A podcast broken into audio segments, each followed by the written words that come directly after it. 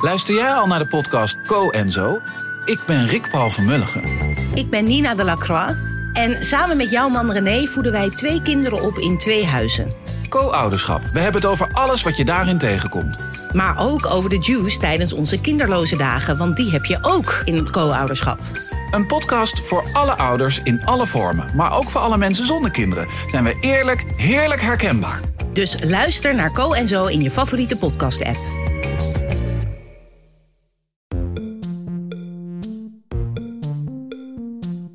Hallo daar, fijn dat je luistert naar Boeken FM, de literaire podcast van Dasmag en de Groene Amsterdammer. Wij nemen op in de studio van Dag en Nacht Media. Wil je nou nooit meer een aflevering van ons missen? Abonneer je dan nu in je eigen podcast-app en geef ons ook vooral een heleboel sterren en recensies. Dan zijn we ook zichtbaarder voor anderen die ons misschien willen luisteren. Heb je een vraag voor ons of ben je heel erg boos, vooral op Joost? Stuur dan een mail naar boekenfm.dasmag.nl. En we zijn tegenwoordig ook te vinden op Instagram, boekenfm in uh, uh, ja, wat nu Tanzania is. Uh, tijdens de Mai Mai-opstand. Nou, dat klinkt alsof zich, dat zich bij Prometheus afspeelt. Ja, hallo lieve luisteraars en welkom bij Boeken FM, de literaire podcast over literatuur en de inhoud van literatuur. Jij jullie zullen misschien wel denken, Ellen, waarom loop jij deze intro te doen? Nou, dat is heel simpel jongens. Mama Ellen had het de afgelopen week drukker dan God en de top van de EU bij elkaar, want ik ging verhuizen. Waardoor ik alle mailtjes heb gemist en wel ben komen opdagen bij deze opname, maar was vergeten om het boek te lezen. Dus ik zit tegenover mij. Ja, en het is blijkbaar dus de beste overkomen. Dus ik ga vandaag de boel, het gesprek althans, leiden. En uh, dat doe ik met mijn geliefde, zeer ingelezen collega aan mijn linkerhand voor uw rechterhand, Joost de Vries, connoisseur de la vie. Hi Joost. En, aan, en aan mijn rechterhand de immer montere en hyperhoogbegaafde Charlotte. Hi Charlotte. Dankjewel Ellen. Zullen we jou, weet je wat, we gaan jou niet meer mononiemen. Zullen we je gewoon met achternaam en al erin gooien? Charlotte Omtzigt. Super leuk dat je erbij bent. Super gezellig. Mijn naam is Ellen Dekwits en we gaan het vandaag zoals beloofd hebben over de Nobelprijs voor Literatuur 2021. En ik zal er vast bij zeggen, dit is alweer de derde aflevering die Boeken FM maakt over een Nobelprijzenwinnaar. Ja, je kan even kijken in je afleveringen binnen de podcast van Boeken FM over de aflevering van Jaag je ploeg over de botten van de doden van Olga Tokarczuk. Tokarczuk. Tokarczuk. En we hebben natuurlijk, en daar was ik erg verguld mee, toen Louise Glück vorig jaar de Nobelprijs won, hebben wij een hele lange uitzending gemaakt. Niet alleen over poëzie, maar eigenlijk ook over alle mechanieken rondom die hele Nobelprijs. Want ja, zo'n prijs is iets anders dan bijvoorbeeld de uitslagen bij het WK Sprint of de 1000 meter schaatsen. Je kan niet met absolute parameters vaststellen of iets daadwerkelijk een verdiende laureaat is. En wat je elk jaar hebt in de aanloop naar de toekenning van deze grote prijs, is ook de speculatie en het wedden op mogelijke winnaars. En ik kijk heel eventjes zo staan. Vorig jaar toen Louise Gliek won, dacht jij meteen, oh, arme en Carson. Ja, het is altijd grappig hoe dat gaat met die Nobelprijs. Want, want er is altijd een bepaald idee dat er, en, en dat is niet helemaal hard te maken, maar uh, zo voelt het wel aan. Er is een soort van demografische en geografische spreiding in die prijs altijd. Hij gaat niet twee keer op rij naar een Engelsman. En hij gaat niet twee keer op rij naar een, een uh, Canadees bijvoorbeeld. Dus uh, ik weet nog dat Alice Munro hem won. Ja. Uh, de korte verhalen schrijft, ze geweldige schrijfster. Dat iedereen zei van, oh, nou, dan gaat de komende tien jaar kan Margaret Atwood het een andere Canadees schrijven. Die kan hem dan niet winnen. En wij hadden dat volgens mij vorig jaar, dat dat een van de grote kanshebbers poëzie. gezien van poëzie was Anne Carson, de Canadese dichteres. Van hele bijzondere verhalende uh, poëziebundels eigenlijk. maar toen ging naar Louise Glick. De Noord-Amerikaanse. En toen ook zo'n leeftijdsgenoot van elkaar. Dat iedereen Ja. meteen zeiden van ja, oké, dan gaat hij niet volgend jaar naar, naar Anne Carson. Dus op die manier zit er altijd een beetje zo'n spreiding in. En niet alleen een spreiding, want je hebt dus elk jaar heb je de usual suspects. Hè. Bij de boekingskantoren zit in de top 10 altijd wel Haruki Murakami. Ja. Altijd wel Michel Houellebecq. Eigenlijk afgelopen twee, drie jaar ook Annie Ernaux hè, er telkens bij. Dit jaar heb ik me laten vertellen, ging het echt volgens de boekjes tussen Ernaux en Murakami. En het werd, en ik hoop dat ik het goed ga uitspreken, Abdulrazak Gurna, schrijver, geboren in Zanzibar in 1948, waardoor het aantal beroemde Zanzibarianen met één is toegenomen, waardoor in totaal uitkomen op twee. Want wie is er nog meer op Zanzibar geboren? Freddie Mercury. Ja, top ongelooflijk. eiland. Ja, er staat daar echt een waanzinnig standbeeld van hem. Nou, er komt dus nu een standbeeld naast. Meer groter dan levensgroot. En de Ja? Gurna kan er nu naast, inderdaad. Ja, precies. Dus allebei met van die gespreide armen zoals de Jezus boven Rio de Janeiro. Abdul Razak Gurna, wie ben je en wat doe je daar? Zoals ik al zei, in 1948 geboren. Woonde tot zijn achttiende in Tanzania. Zanzibar was een deel van Tanzania. En op zijn achttiende vond er een omwenteling plaats in zijn land. De communisten grepen zijn macht en hij moest vluchten. Hij is eigenlijk in één dag vluchteling geworden. En hij kreeg asiel in in Engeland, waar hij zich de taal heel snel eigen maakte. Las zichzelf een ongeluk en hij debuteerde op zijn 21ste. Heeft inmiddels tien boeken geschreven. En tot groot verdriet, ook van onze Bob, maar van elke boekhandelaar in Nederland, was er weer niks voorradig. Nee, dit was echt. Maar ik bedoel, dit, dit moet je erbij zeggen. hè. Dat, dat, kijk, ik ben dan zo'n totale nerd. En eh, ook wel omdat oh ik Joost, weet. je bent zo nerd. Ook, ook omdat ik weet dat we dan met de Groene... De Nobelprijs wordt op donderdag bekendgemaakt. Nou, de Groene gaat op maandag naar de drukker. Dat betekent dat je, een heel, dat je alleen dat weekend hebt ongeveer... om, het, eh, om er een stuk over te maken. Want je wil toch wel meteen het eerste nummer... nadat die bekendmaking er is... eh, met een mooi oeuvre-stuk komen. Dus dan zit je klaar, weet je. En ik zit dan echt gewoon achter mijn computer... en er is er zo'n livestream op de site van de Nobelprijs. Die livestream is alleen een dichte deur op te zien. Weet je wel, je, je ziet een paar gemorselige journalisten voorlangs lopen. maar het staat gewoon op die dichte deur van de Zweedse Academie. Eh, en dan zit je daar gewoon te wachten totdat er gewoon een meneer uitkomt die in een, eh, een gek verstaanbaar taaltje, weet je, je begrijpt geen woord van wat hij zegt en toch snap je wel wat hij bedoelt. Ja. Eh, en dan ga je wachten van totdat je een naam hoort. En dit jaar zat ik ook weer gewoon met een bonzend hart te wachten. En ik zat te kijken en die man komt naar buiten en die, die begint iets te zeggen. En meestal, ja, je begrijpt niet helemaal de zinnen van, het, van de taal. Maar je kent de naam. Dus bla bla bla bla bla, Louise Glik, bla bla bla. En dan denk je, hé, hey, Louise Glik heeft een Nobelprijs gewonnen. En nu kon ik die naam gewoon niet eens horen. Ik denk van, hè, het lijkt alsof hij Ab Abdul zei, of wat is dit? En Jij appte ons ook gewoon wat. ja, want, maar gewoon, ik, ik had van tevoren, ik bedoel, eh, ik weet niet hoe jullie dat doen, maar van tevoren had ik met heel veel mensen, met uitgevers en bevriende schrijvers en bevriende agents, zaten we gewoon een beetje te appen van tevoren. Nou, oké, eh, fles wijn, wie denk jij dat hem wint? Echt? En inderdaad, gewoon. Jij bent eh, echt een nerd. Je bent echt Ja, een nerd. Ik was gewoon mijn inboedel aan het taxeren. Eh, eh, dus, dus op een bepaalde manier eh, was dat wel grappig. En van tevoren zijn er altijd, zeker in de, de Engelse media, die hebben echt van die hele lange lijsten wie dit jaar het meest, eh, dat jaar het meest in aanmerking komt.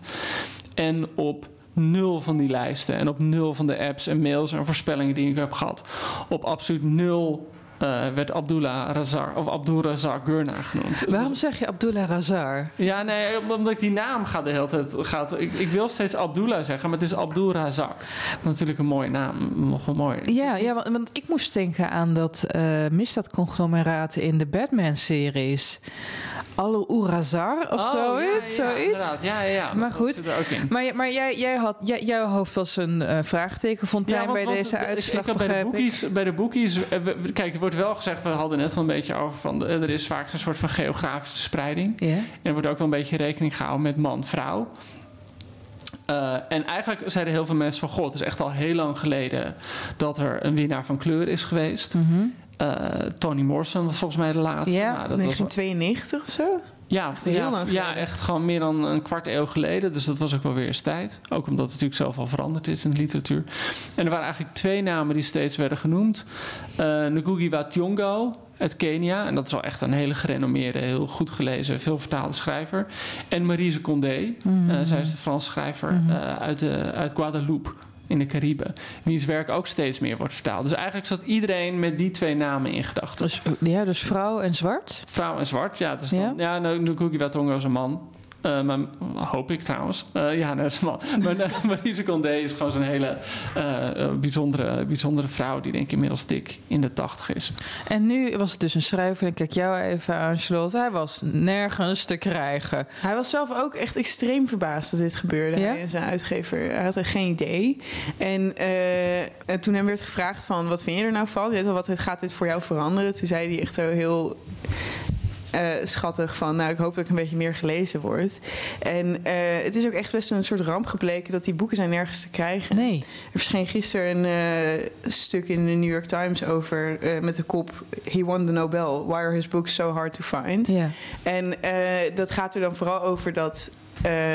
In tegenstelling tot de Booker Prize is het bij de Nobelprijs niet echt duidelijk. Er zijn dus wel boekmakers, maar er is niet een shortlist of zo. Dus je, Nee, weet, niet, je nee. weet niet wie Nee. het in godsnaam gaat winnen.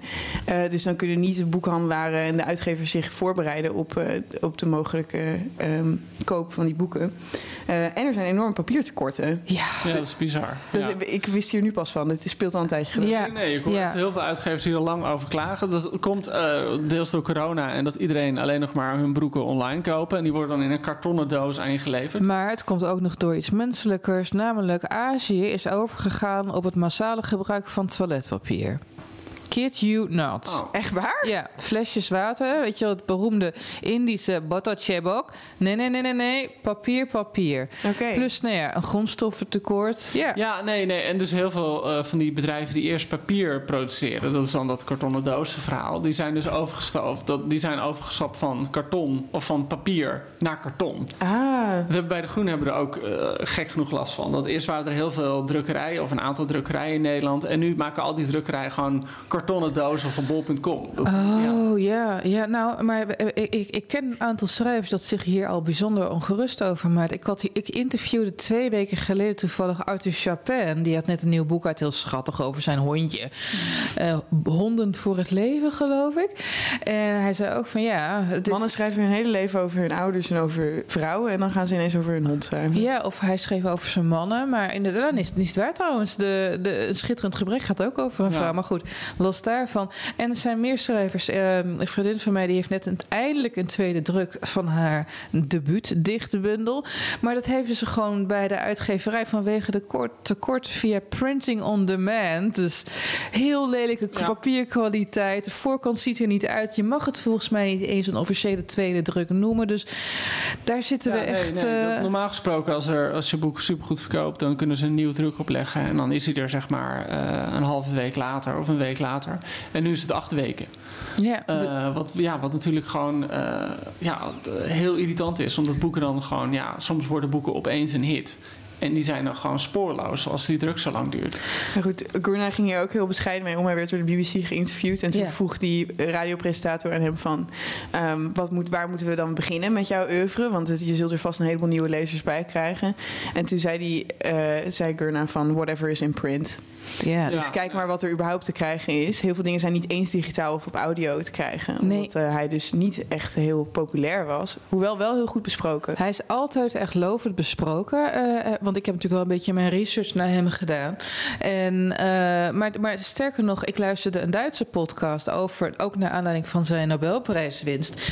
En daarin hadden ze een aantal interview, of, eh, uitgevers geïnterviewd. En die zeiden ook: ja, we hebben niks. Er kwam daarna echt een biedingsstrijd Ja, los. hier in de- Nederland ook. Ja, echt om de rechten op de, de vertaalrechten En, eh, te Die hebben. is nu in Nederland de Geus, toch? Die, Dat zou me niet verbazen. mij heeft de Geus vier boeken van hem nu. Het zou heel mooi in het fonds van de Geus passen. Maar goed, nou, daar hebben we dus een eh, Nobelprijswinnaar. Die is er nu al. Want wij, wij hebben voor Boeken FM hebben wij via, via een PDF kunnen bemachtigen van de roman Afterlife. Ja. Afterlives, zeg ik, ja.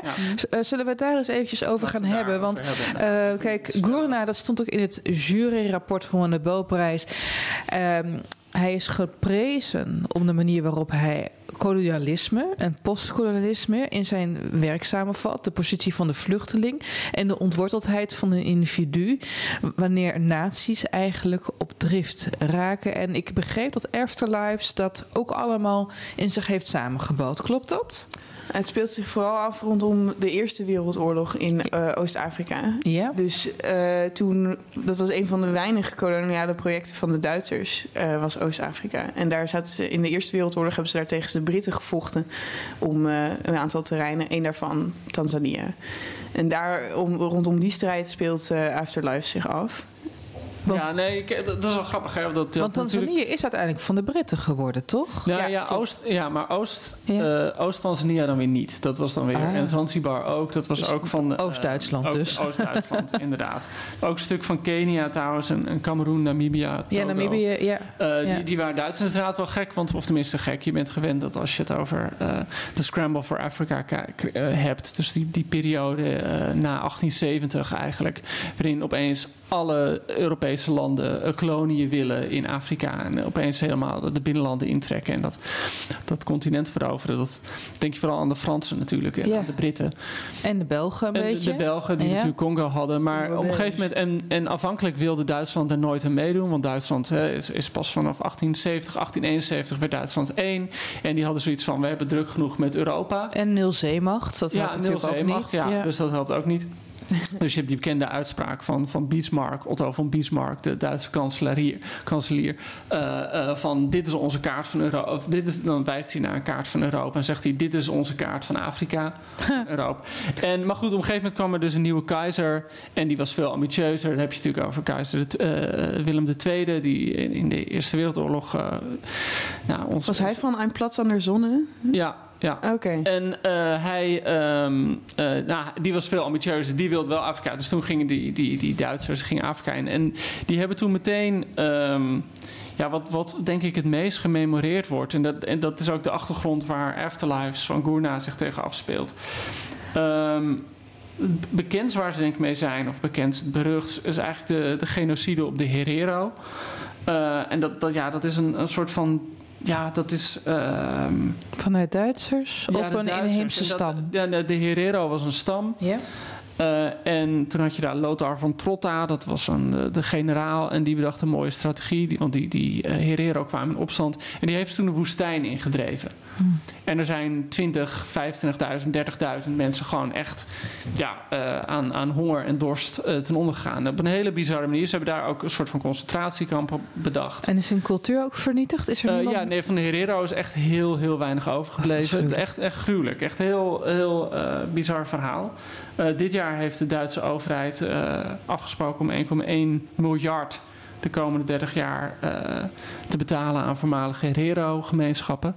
Nou, de Duitsers zijn natuurlijk altijd heel goed in herstelbetalingen. Hebben, Ja, gewoon ja, een lopende, ieder hebben, ze gewoon een lopende rekening voor. Je kan gewoon een tikkie sturen. Uh, en dit, dit speelt zich dan net eigenlijk tegelijkertijd af, uh, Afterlife, in ja, wat nu Tanzania is. Uh, tijdens de Mai Mai opstand. Nou, dat klinkt alsof zich, dat zich bij Prometheus afspeelt.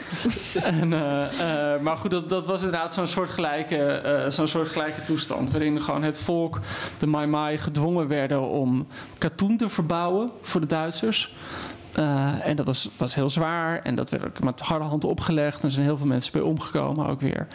En die zijn toen op een gegeven moment in opstand gekomen. En wat, wat je eigenlijk ziet in die periode... en dat is ook waar dit boek zich verder tegen afspeelt... is dat die binnenlanden van Afrika zich beginnen te militariseren. Dus dat er ook steeds meer uh, Europese soldaten naartoe worden gestuurd. En dat die Europese legertjes daar dan weer uh, Afrikaanse soldaten gaan werven of gaan dwingen om zich daarbij aan te sluiten. Dus opeens krijg je allemaal legertjes daar die zich tegenover elkaar. Nou, dan komt op een gegeven moment die Eerste Wereldoorlog, waarin opeens zeg maar Europese legers in Afrika tegen. Ja, ja, ja, ja. ja. Okay, dit was de geschiedenisles. Ja, maar goed, ja. fantastisch. Uh, Charlotte, wat is de premisse van dit boek, Afterlives?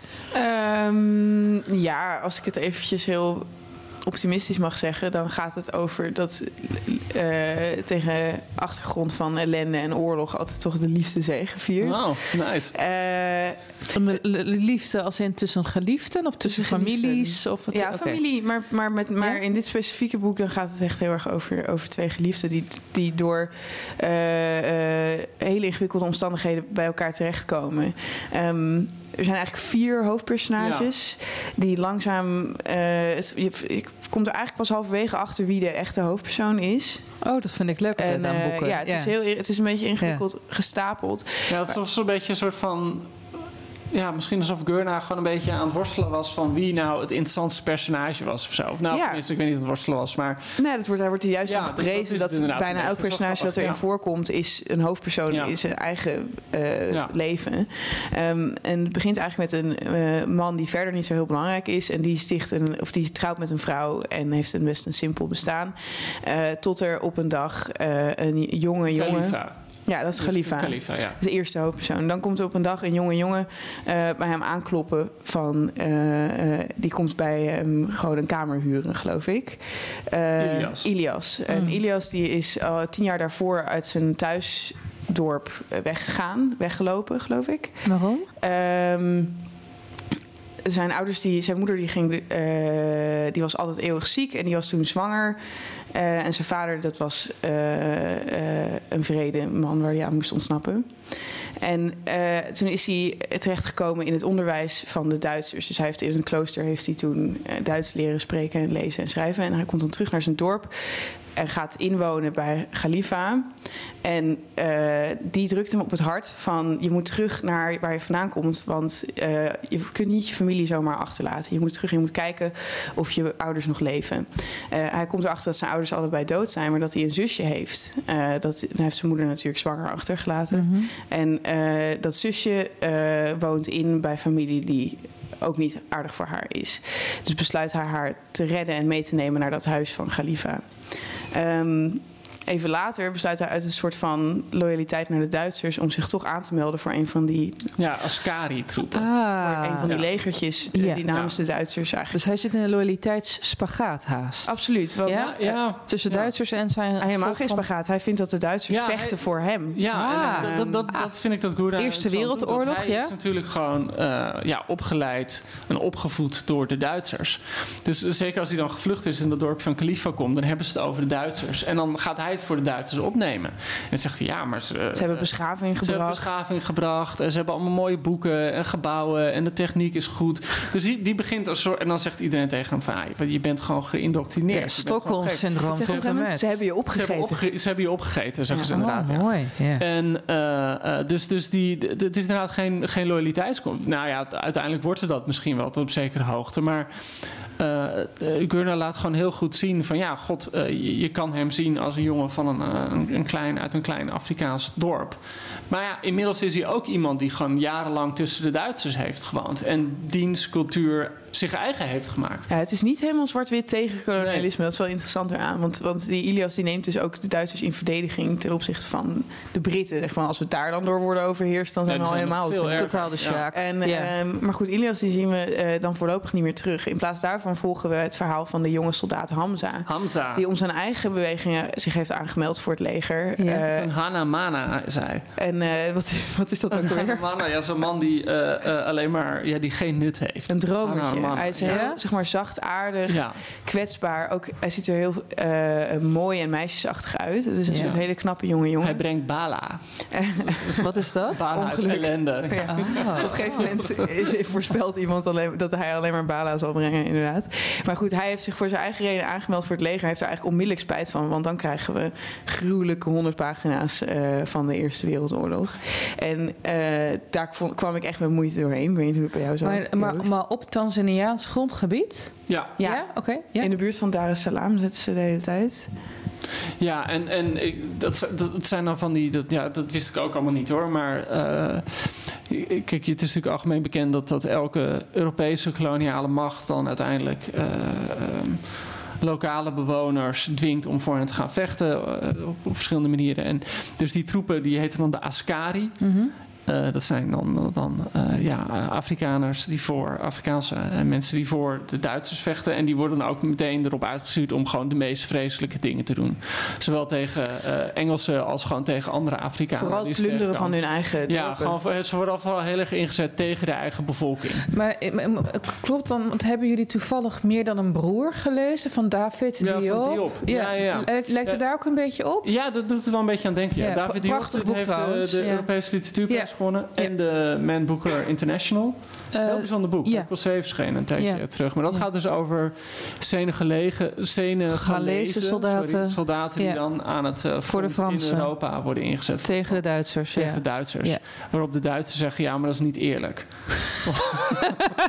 ja, want ja, dit, wij zijn gewoon Europeanen en dan hou je buitenlanders erbij, dat mag niet. Ja, gewoon een hele bizarre toestand. Ja. Hamza vormt een beetje het emotionele zwaartepunt van Ja. het boek. Hij is namelijk te zachtaardig voor de oorlog, dat merk je aan alles. Hij wordt dan ook door een opperbevelhebber opgemerkt als iemand met een soort speciale talenten. En hij zegt van, ik ga jou Duits leren, want jij hebt een soort artistic sensibility. en, eh, ehm, Ja. de, en de rest van de soldaten pe- pesten hem natuurlijk mee van... nou, hij wil van alles van jou. En dat heeft niet zoveel met Duits leren te maken. en dan begint hij een hele rare vriendschap of soort van...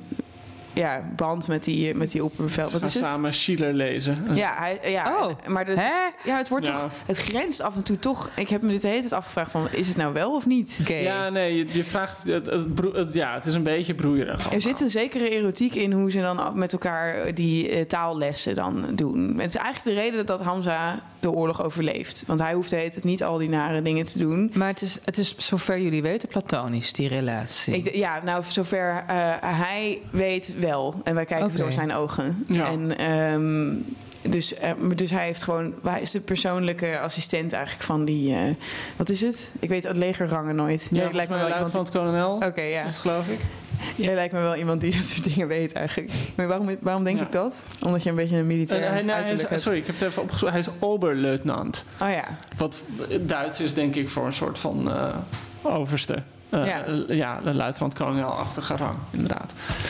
Goed, Hamza komt zwaar getraumatiseerd uit die oorlog en wordt een soort vagebond. En dat is nog best een probleem, want ze hechten heel veel waarde in die dorpen aan je roots en ja, je people. waar je vandaan komt. Waar kom je En- vandaan? Ken ik je vader? Ken ik je opa? Ja, en je kan niet Oh, nergens vandaan komen. Dat Ja, wordt je ook- moet geworteld zijn en je moet aantoonbaar, namelijk gekend zijn om te worden opgenomen in die gemeenschap. Nou, eigenlijk. precies. En het is Ah, natuurlijk ja. ook geen grote aanbeveling dat hij tegen zijn eigen volk heeft gevochten voor de Duitsers. Nee. Dus hij brengt, eh, uiteindelijk komt hij terecht eh, in het huis van Khalifa, die we allemaal vanaf het begin En daar gaat hij kennen. die kamer huren. En eh, daar gaat hij net als zijn voorganger Ilias, komt hij daar terecht. En, eh, eh, en die vrouw, de vrouw van het huis, de vrouw van Khalifa, die zegt... nou, hij brengt alleen maar bala, want hij heeft geen volk.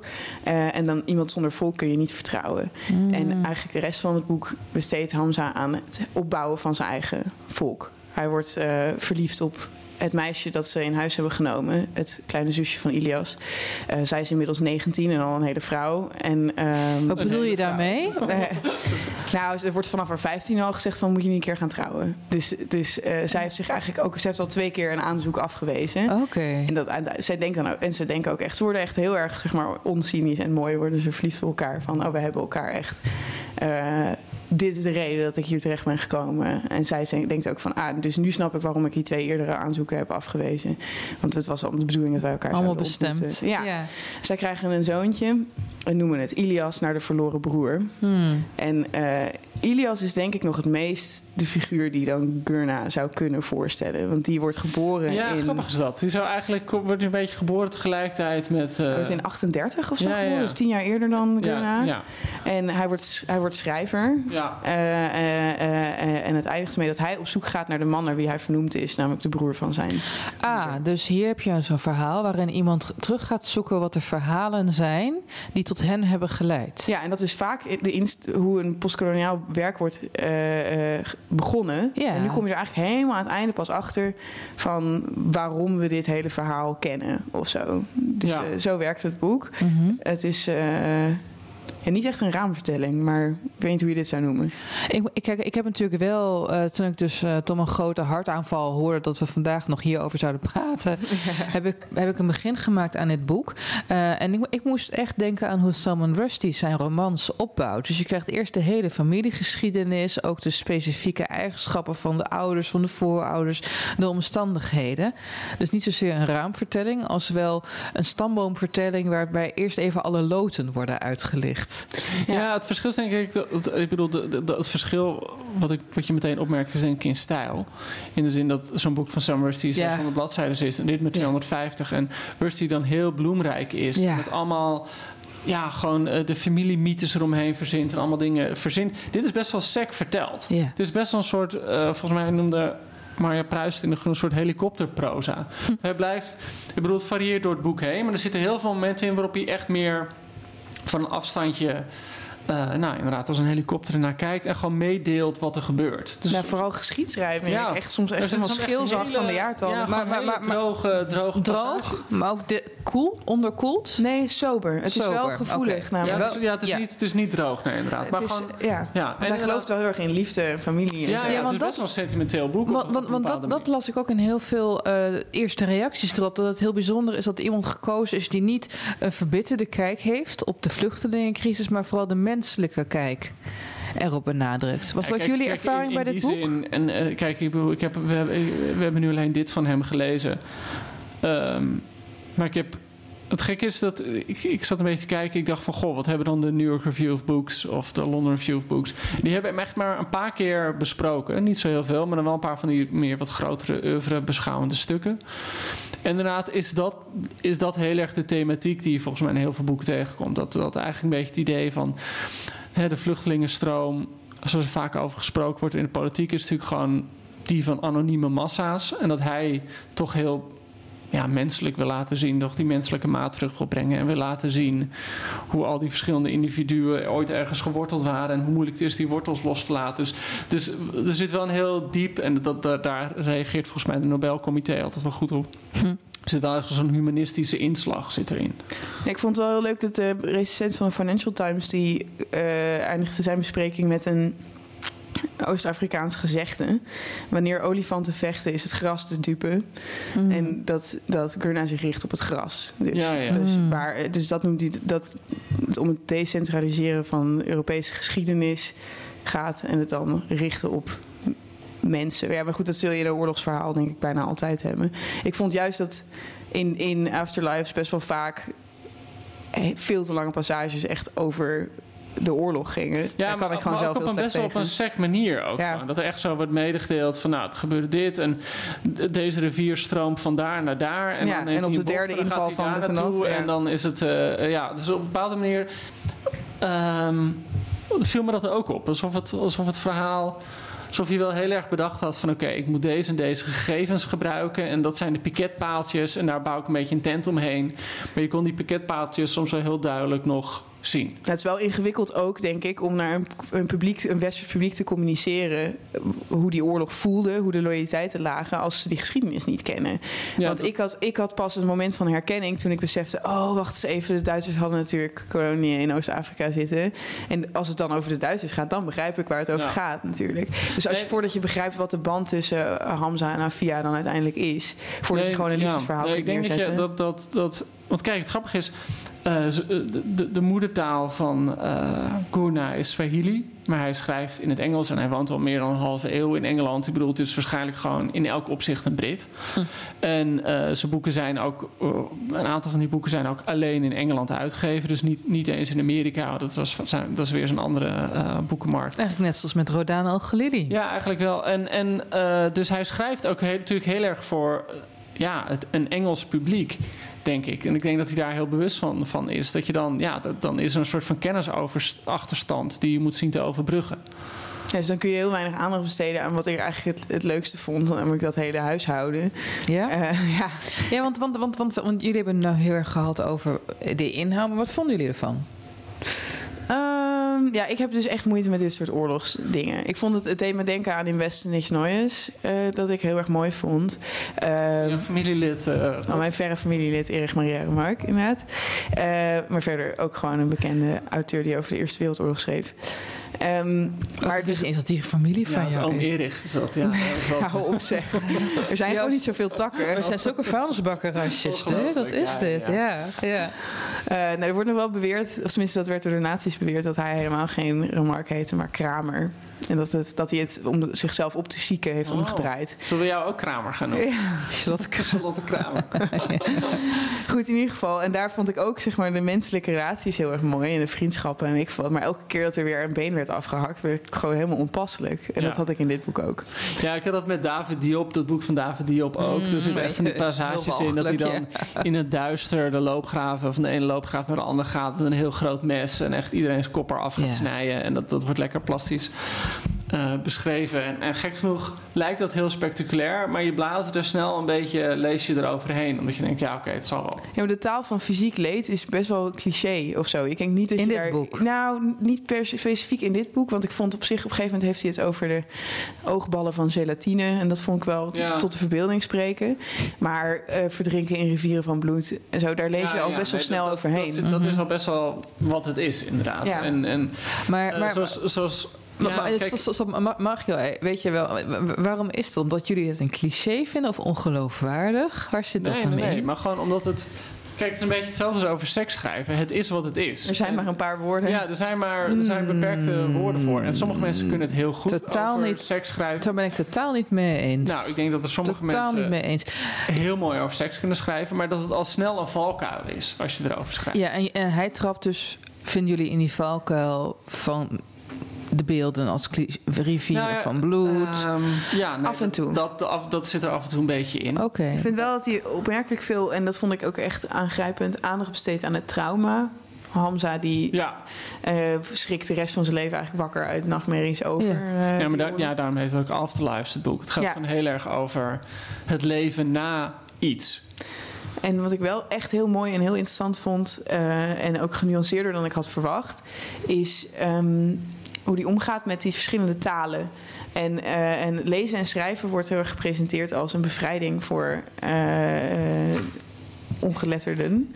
Ehm, en, eh, Oh, hier gaat de Nobelprijsjury ook al zo hard op. Ja, nee, dat is natuurlijk wel heel fijn. dus het is, dat is een soort van. eh, dus ik denk ook. eh, ik werd wel op, oprecht opnieuw geïnspireerd van. Oh, wat is het toch prettig dat wij kunnen lezen en schrijven. Ja, maar er zit ook iets pijnlijks in natuurlijk. Want eigenlijk wordt er tegen die Afrikanen gezegd van... ja, jullie zijn pas beschaafd als jullie gewoon Schiller lezen. Wat natuurlijk ook een soort van super paternalistisch... eh, Ja, maar dat bedoel ik, dat het, Ja. dat het genuanceerd is dus. Want hij wordt ook echt bevrijd doordat hij Ja, met ja. die, die extreem enge opbevelhebber gast...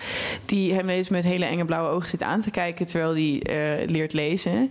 die heeft hem wel een geschenk gegeven daarmee. En daar, gaat hij, daar dat spreekt hij eigenlijk nooit een oordeel over uit. Stop! Geschenk! We hebben een vraag. Oh, we hebben een vraag. Oh mijn god. Oké, oké. Oké jongens, ik, eh, Jij hebt een mes, Charlotte. ik heb de vraag Ja, leuk, trouwens. Oh, we, we krijgen we krijgen veel vragen binnen, lieve luisteraars. Maar schroom niet om nog meer vragen op te sturen. Eventjes, nu even tussendoor. Hoe gaat het met die Sally Rooney prijsvraag? Goed dat je het vraagt, De Joost. volgende podcast wordt die Volgende bekendgemaakt. podcast wordt die bekendgemaakt. We hebben een vraag van jouw naamgenoot, Joost. Hmm, juist. Eh, die heeft ons een hele lange mail gestuurd. Eh, eh, eh, en daar heeft hij ook bijgevoegd een gedicht voor Ellen om te Echt? lezen. En een foto van zijn huisdieren voor Joost. Een gedicht waarover? Eh, het is in het Spaans, dus ik kan het helaas niet lezen. Oh shit. Oh, nou, dankjewel Joost. Ik, ik heb sinds groep 3 geen Spaans meer gehad. Maar ik ga het even door de Google Translate sturen. dus eh, ik, ik zal jullie zo de bijlagen verstrekken die Joost voor jullie heeft meegestuurd. Ja. En voor ons allemaal is deze vraag: eh, waarom zijn jullie zo gericht op het Engels als taal? En als het over buitenlandse literatuur gaat, zo op het Anglo-Saxische? En eh, in, om even context te geven, de rest van de mail ging erover dat wij gewoon in onze spreektaal heel veel Engelse leenwoorden gebruiken. Of gewoon Engels. Ja, Nog iets meer voorlezen uit de mail? oké, ik kan er gewoon meer uit voorlezen. Ja. Ehm, na het eh, luisteren van de podcast over Patricia Lockwood dacht ik: jullie gebruiken ook zoveel Engels. Hoe komt dat toch? Omdat jullie kinderen van het internettijdperk zijn, omdat jullie Nederlanders zijn, omdat jullie iets gestudeerd hebben wat met Engels te maken heeft, omdat het Engels de enige belangrijke vreemde taal is. Ook een luisteraar die een vraag over vertalingen stelde, had het over boeken die je niet in het Nederlands of het Engels kan lezen. Dus er zijn wel meer mensen die eh, iets te klagen hebben. Nou. En als Ellen gevraagd wordt om poëzietips, noemt ze enkel Nederlandse en Engelstalige werken. Soms ergert het me wel. Ik luisterde een oude aflevering waarin de term derde beurt repair gebruikt wordt. Ik moest een paar keer terugspoelen eer ik door had dat het ging om een half vertaalde Engelse linguïstische term.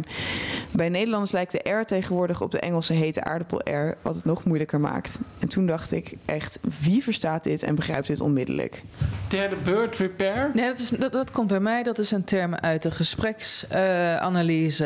En dat betekent dat wanneer wij het met z'n tweeën over iets hebben... en ik opeens op iets heel anders overga... en jij besluit of we het weer over het eerste onderwerp moeten gaan hebben... waar we aanvankelijk ons gesprek over begonnen... dat heet in de gesprekstechniek een derde bird repair. Dus uh, uh, vraagsteller Joost, daar komt het dus vandaan. Uh, ik wil even een kleine correctie toepassen. ik heb het niet louter over Engelse poëzie. Ik heb het over Noorse, Zweedse, Deense, Russische, Japanse, Chinese, Mongoolse, Indonesische en elk geval van Afrikaanse poëzie in deze podcast geha gehad.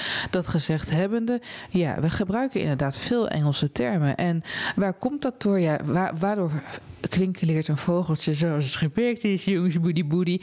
In mijn geval, ik ben anderhalftalig opgevoed. Dankzij een oma met een Engelse gouvernante destijds in de Oost.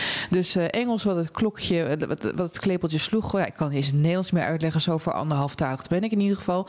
En ik spreek even namens ons drieën. Dat wij, ja, van onze generaties leef je toch wel in een cultuur die op het Engelse en op het Amerikaanse ja, en zeker, gespitst is. Van wat moet het lekker zijn om, om een Engelse of Amerikaanse schrijver te zijn? Want het is natuurlijk niet alleen bij ons zo. Ja, je rijkwijde is zo gigantisch. Nee, het is niet alleen bij ons zo. Maar loop je in Frankrijk uh, een, een, boekhandel binnen... Nou, dan hebben ze veel minder, uh, over het algemeen minder Amerikaanse en Engelse romans staan. Maar als je kijkt naar wat er vertaald is... dan is het Amerikaanse rek daar ook veruit groter dan ja. het Scandinavisch. Nederlands, het, het, ja. het, is toch het probleem in de literatuur... Uh, dat de focus van iedereen internationaal altijd, ja, Engels is de taal die iedereen met elkaar deelt. Dus Engels is ook de taal die het meeste opvalt. Dus zodoende wordt er ja, gewoon veruit het meeste in het Engels uitgebracht en vertaald. Dus, dus op een bepaalde manier is, is dat, dat aanbod ook gewoon heel groot en nadrukkelijk. En uh, ja, dat, dat, dat is ook gewoon. Uh, bij de Groene krijgen we er ook wel eens mails over hoor. En, en uh, ja, de, onze cultuur, de tv die we kijken en daardoor de geschiedenis die we kennen en daardoor de, de, de, de, de bredere cultuur die we kennen, is gewoon super op Amerika en, en het Engels sprekende wereld gericht. Dus daar krijg je zoveel meer van binnen en is er zo'n grotere gedeelde kennis ergens van. Uh, dat, dat dat zorgt dat dat nogal vertekent, inderdaad. Ik denk niet dat ik dat ook een probleem vind. Ik denk dat, dat ik het grotere probleem, waar ik het wel een beetje met vraagsteller Joost eens ben, is dat het wel heel erg je spreektaal insluipt. Ja. En dat is dan niet een kwalitatieve toevoeging zoals jij een vakterm gebruikte, Ellen. Uh, uh, of een leenwoord dat inmiddels geïntegreerd is. Maar gewoon te pas en te onpas. Ik zei geloof ik eerder, ik probeer me nu te herinneren... maar ik, tien minuten geleden heb ik ook ten onrechte een Engelse term gebruikt. Hm. Um, en dat komt gewoon doordat we niet genoeg Nederlands meer lezen, denk ik. En dan spreek ik voor mijn leeftijdsgenoten. Nou, okay. Het heeft met een paar dingen te maken, denk ik. Inderdaad, ik, ik heb er ook wel eens in boeken mails over gehad. Bij de Groene ook wel eens mails over gehad. Als je dan te veel Engels van, van, van die ene gepensioneerde leraar Nederlands die dan irriteert. Maar nee, het is, het is best breed. En uh, soms moet je inderdaad concluderen dat er ergens best wel gewoon een goede, mooie Nederlandse term voor is. Maar je hebt natuurlijk ook met sommige onderwerpen dat er ja, zeker bijvoorbeeld wel het over Lockwood. Nou, dan heb je het over social media. Nou, dat is iets waar bijna geen Nederlandse woorden voor bestaan. Ja, meme is gewoon een meme. En socials is de socials. Ja, je kan wel zeggen de sociale media. Maar ja, het ligt meer vooral. Dus met, op sommige gebieden lijken, er, lijken de Nederlandse woorden gekker dan de Engelse woorden. Absoluut. Maar ik vind wel uh, uh, dat er bijvoorbeeld in management speak ja, ja, uh, sluipt er een heleboel ja. noodloos Engels. Ja, maar goed, we kijken, we hebben een literatuurpodcast. Dat spitst zich ook toe op de finesses van taal. Dus wat dat ja. betreft zou dat ervoor pleiten om minder Engelse termen te integreren. Dus wat dat betreft, uh, briefsteller en vraagsteller Joost, uh, helemaal mee eens.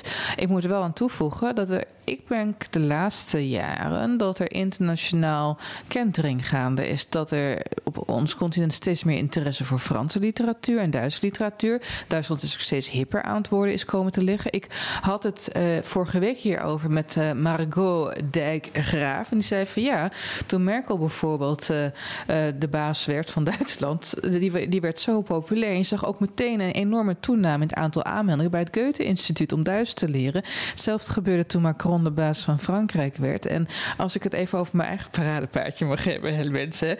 Ik heb het idee dat onder andere de brexit, maar ook de Trump-regering ervoor hebben gezorgd dat alles wat met Engels samenhangt toch een beetje minder leuk en populair op het continent geworden is. En dat zag je vooral bij de laatste editie van het Eurovisie Songfestival. Want voor het eerst hou je bek, Ik Joost. zag hem niet aankomen Ja. naar dit paradepaardje. Ja, ik Hij wist ik wist nu-. We zitten in de stal. Hij staat in. Dankjewel. Dankjewel. Even stil Ja. zijn. Voor het eerst in 45 jaar is er een top 3 geweest van liedjes waarin geen Engelstalig nummer zat.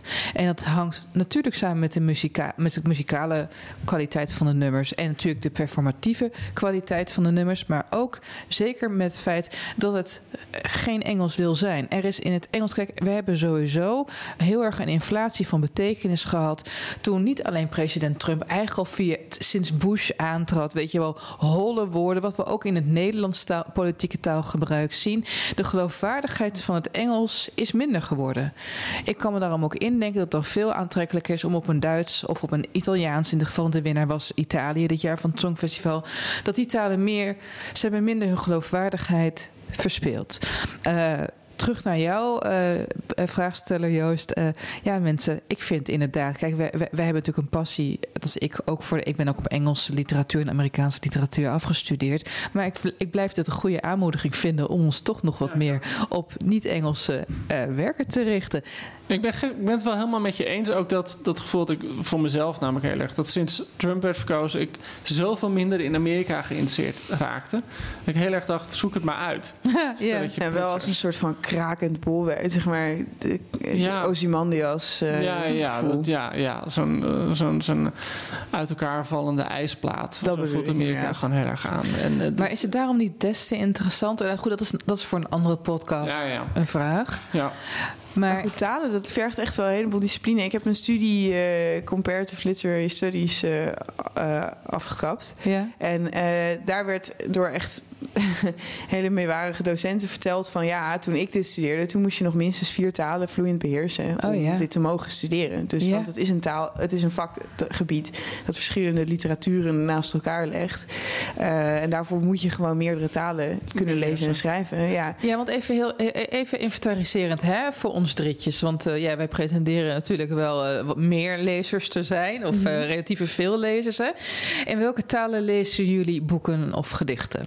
alleen eh, eh, Nederlands, Engels en Duits. Ja? Ja, ik Nederlands, Engels. En ja, ik kan, ik kan Frans wel proberen, maar dan doe ik er echt eindeloos over. En dan raak ik te veel, te veel kwijt. Ja. Ja, bij mij Nederlands, Engels en Duits en af en toe een beetje Frans. En ik luister wel graag naar podcasts. En ik heb een Zweedse oom. Ik kan een beetje meekomen in het Zweeds. Ja, Zweeds is een heerlijk, heel goed begrijpbare taal. Ja, is heel goed. Ja, en, Een en combinatie van Ja, als je- Nederlands en Engels. Ja, dat is het ook. eh, fun fact, als je Fries kan, dan kan je eigenlijk ook automatisch een beetje Zweeds. Dat, eh, dat, eh, ehm, maar voor mij gaat het ook niet verder dan die vier talen. Wat? Nee, niks. Ik moest, ik, ik moest even denken aan de Friese woorden die ik kende. Maar toen dacht ik dat het alleen maar woorden zijn die ik niet kan Nee, maar in een podcast. Dus wat voor Friese ga jij om? Maar weet je, maar, maar, maar, maar weet je, zullen we maar even kijken? Want er zijn natuurlijk meer mensen die het stom vinden dat Engels eh, steeds meer plek krijgt in het Nederlands. Hoewel ik denk dat het een aflopende zaak is. Maar eigenlijk, als, jij, als je vroeg middeleeuws Engels en Nederlands leest, dan lijken die bijzonder veel op elkaar. Het zijn natuurlijk proto-Germaanse talen. Nou, dankzij de verovering van Willem de Veroveraar kwam er nogal wat Franse invloed in Engeland. Ehm, die Franse invloed werd het Engels. Het Engels wordt nu weer het Nederlands. Dus uiteindelijk wordt het Nederlands weer terug naar de woorden. Er zit in een soort van recyclecirkel. Maar ik heb, ik heb het vooral eigenlijk altijd met Frans. eh afgelopen jaren best veel Franse romans gelezen. In vertaling dus. Ja, in vertaling, ja, ja. ja. Eh, maar dan kom je echt zulke andere boeken en andere stijlen tegen dan je in het Engels tegenkomt. Dat je wel echt... Inderdaad, de Engelse literaire cultuur is ook maar gewoon een cultuur. Het is niet Het is de- makkelijk om te vergeten. Ja. Ja, de- gewoon de, ik bedoel, Duitse boeken ook. Die Duitsers en zeker het Oostblok zijn. eh, Ik lees altijd voor de Europese literatuurprijs, moet ik een en ander lezen. Dus vind ik vaak veel klassieker, veel gewichtiger, veel meer op politiek. En die Franse boeken zijn s- op, ja, mijn ervaring heel speels geschreven en op een hele andere manier in elkaar gezet. Nou Joost, maar wat, wat, wat, wat, ik nu vind bovendrijven het laatste jaar... maar misschien ligt het ook aan wat er louter naar het Nederlands vertaald wordt... qua Franse literatuur. Eduard Louis, Eduard Louis, eh, ja, en Lela Slimani, eh, ja, natuurlijk. eh, eh, ook Annie Ernaux, waar we ook een eh, aflevering aan hebben gewijd. Maar goed, hey, lieve vraagsteller Joost, eh, eh, dank voor je vraag. We hopen dat we ons een beetje goed hebben verdedigd. En we zullen er denk ik toch een beetje op gaan letten. En ik ga het gedicht lezen, ik kom erop terug. En eh, hebben wij nog een vraag of gaan wij door? Want zit- Nee, ik dacht ik maak een bruggetje weer terug naar eh Gurna. Ja. Ehm, want hem wordt natuurlijk ook altijd vragen gesteld over taal. Eh, eh, zijn, zijn geboortetaal is niet Engels. Eh, eh, Swahili? Swahili. Het is Swahili, zoals jij al zei inderdaad. Maar hij, is, hij is wel naar school geweest in het Engels. En hij heeft zich eigenlijk in de, in de Engelse letteren als lezer en als schrijver ontwikkeld. Ja. En er wordt hem altijd een beetje voorzichtig die vraag gesteld van... en dat doen ze wel vaker bij po- postkoloniale schrijvers... van ben jij niet in de taal van de onderdrukker aan het schrijven? Ja. En ehm, ik weet toen ze dat aan Haché beschreven, eh, vroegen, toen zei hij van ja, maar ik moet aan de onderdrukker communiceren, dus, dat, dat, dus ik gebruik zijn taal. Ehm, en, maar Gurna die zei. Eh, wie denkt er überhaupt nog dat Engels de taal van de Engelsen is? Engels is al lang niet meer hun taal. Het is net als cricket, zei hij. Daar is inmiddels bijna iedereen beter in dan de Engelsen zelf. Ah, wat grappig. Nou ja, ik moet denken aan de Zuid-Afrikaanse dichter Nathan Trantaal... die ook gewoon weigert nu om in de taal van de onderdrukkers te schrijven. Niet omdat de, niet omdat de taal niet van iedereen zou zijn... maar om gewoon een deel van de, een, een deel van de taal... die lingua franca is van de onderdrukker... om die deur dicht te slaan naar hen toe. Ja, maar goed, ik vond, het, ik vond dus uh, Gurna's eh, blik erop ook op zich wel een soort bevrijdende eh, visie. Want hij zegt van nee, Engels hebben ze hier achtergelaten. Het is niet van hun. Nee. Eh, dat is Nee, niet dat is van ons. Moet- Taal is een tool. Ik moet denken aan een stuk dat wij een tijdje terug in de Groene hadden van Denna Frifra. Eh, en dat ging over genezen in de Bijlmer, die, eh, die over het algemeen nog heel christelijk zijn. Maar die hebben dat christendom gekregen van de Britten die daar Mhm. ooit naartoe gingen. En dat gewoon met harde hand, zeg maar, hebben verspreid. En wa- waar ook wel mensen worstelen met die vraag van... goh, maar hebben we nu niet het geloof van de onderdrukker aangenomen? En, en de conclusie was inderdaad ook beetje zoiets wat- van wat Charlotte zei. Van ja, oké, maar dit is dan blijkbaar de weg waarop God tot hun is gekomen. Zo, zo verwoorden ze het. En, en hè, God moves in mysterious ways. Nou, het christendom is ook niet eh, bloedeloos tot Christus gekomen. Nee, hè? nee, Deed ook best pijn. Het is heel grappig Ja. hoe die, hoe die ehm, ja, taal en cultuur en geloof.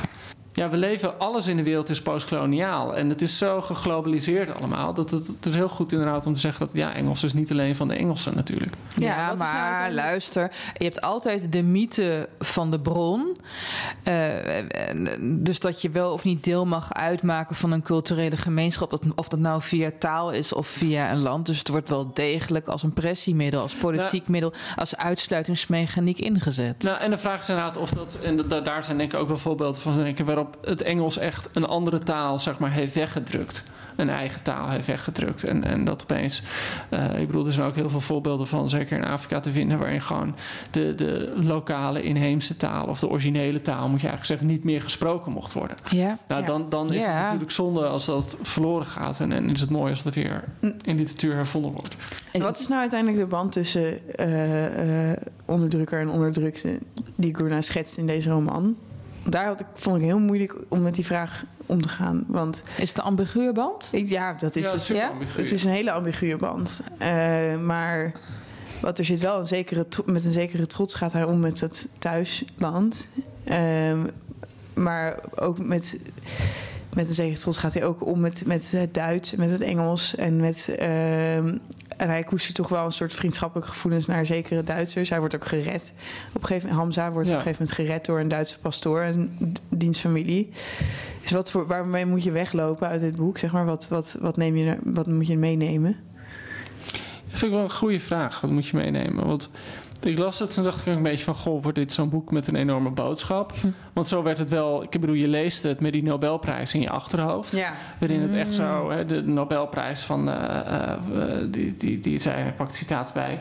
Dat Kuna kreeg de Nobelprijs voor zijn compromisloze en medelevende inleving in de effecten van het kolonialisme en het lot van de vluchteling in de kloof tussen culturen en continent. Maar die kloof is hij niet per se heel veel dieper aan het maken. Hij is eigenlijk Nee. meer aan het laten zien hoe die culturen en continenten gewoon tot elkaar veroordeeld zijn. En Ja. met elkaar te maken hebben. Eh, Hoe het gras groeit, terwijl Ja, de olifanten ja, stampen. ja. Terwijl de dat- olifanten dat vechten, ja. ja. Ja. precies. Eh, nee, dus nou ja, we kunnen hem nu misschien meteen een cijfer geven. gaan we hem een cijfer geven? Ja, Ja, eh, ja, ja, dus met z'n tweeën. ja. Ja, ja, Het is eh, makkelijker voor het gemiddelde uitrekenen. Ik hoop Ja, het, ik hoop dat, het. eh, Als jullie echt in tiende zitten. Ja. erbij. ja, mijn hoofd dus. Maar ik, ik heb nooit kudos gekregen dat ik het altijd uit mijn hoofd bereken. Hè? Ja, maar ik weet nooit of je het echt berekent. Want je doet het zo snel dat ik echt denk, volgens mij bluff je gewoon. Nou, kregen ook wel, we hebben op Apple Podcast ook wel één iemand die zegt van de, de, het klopt bijna nooit. oh, is dat zo? Oh.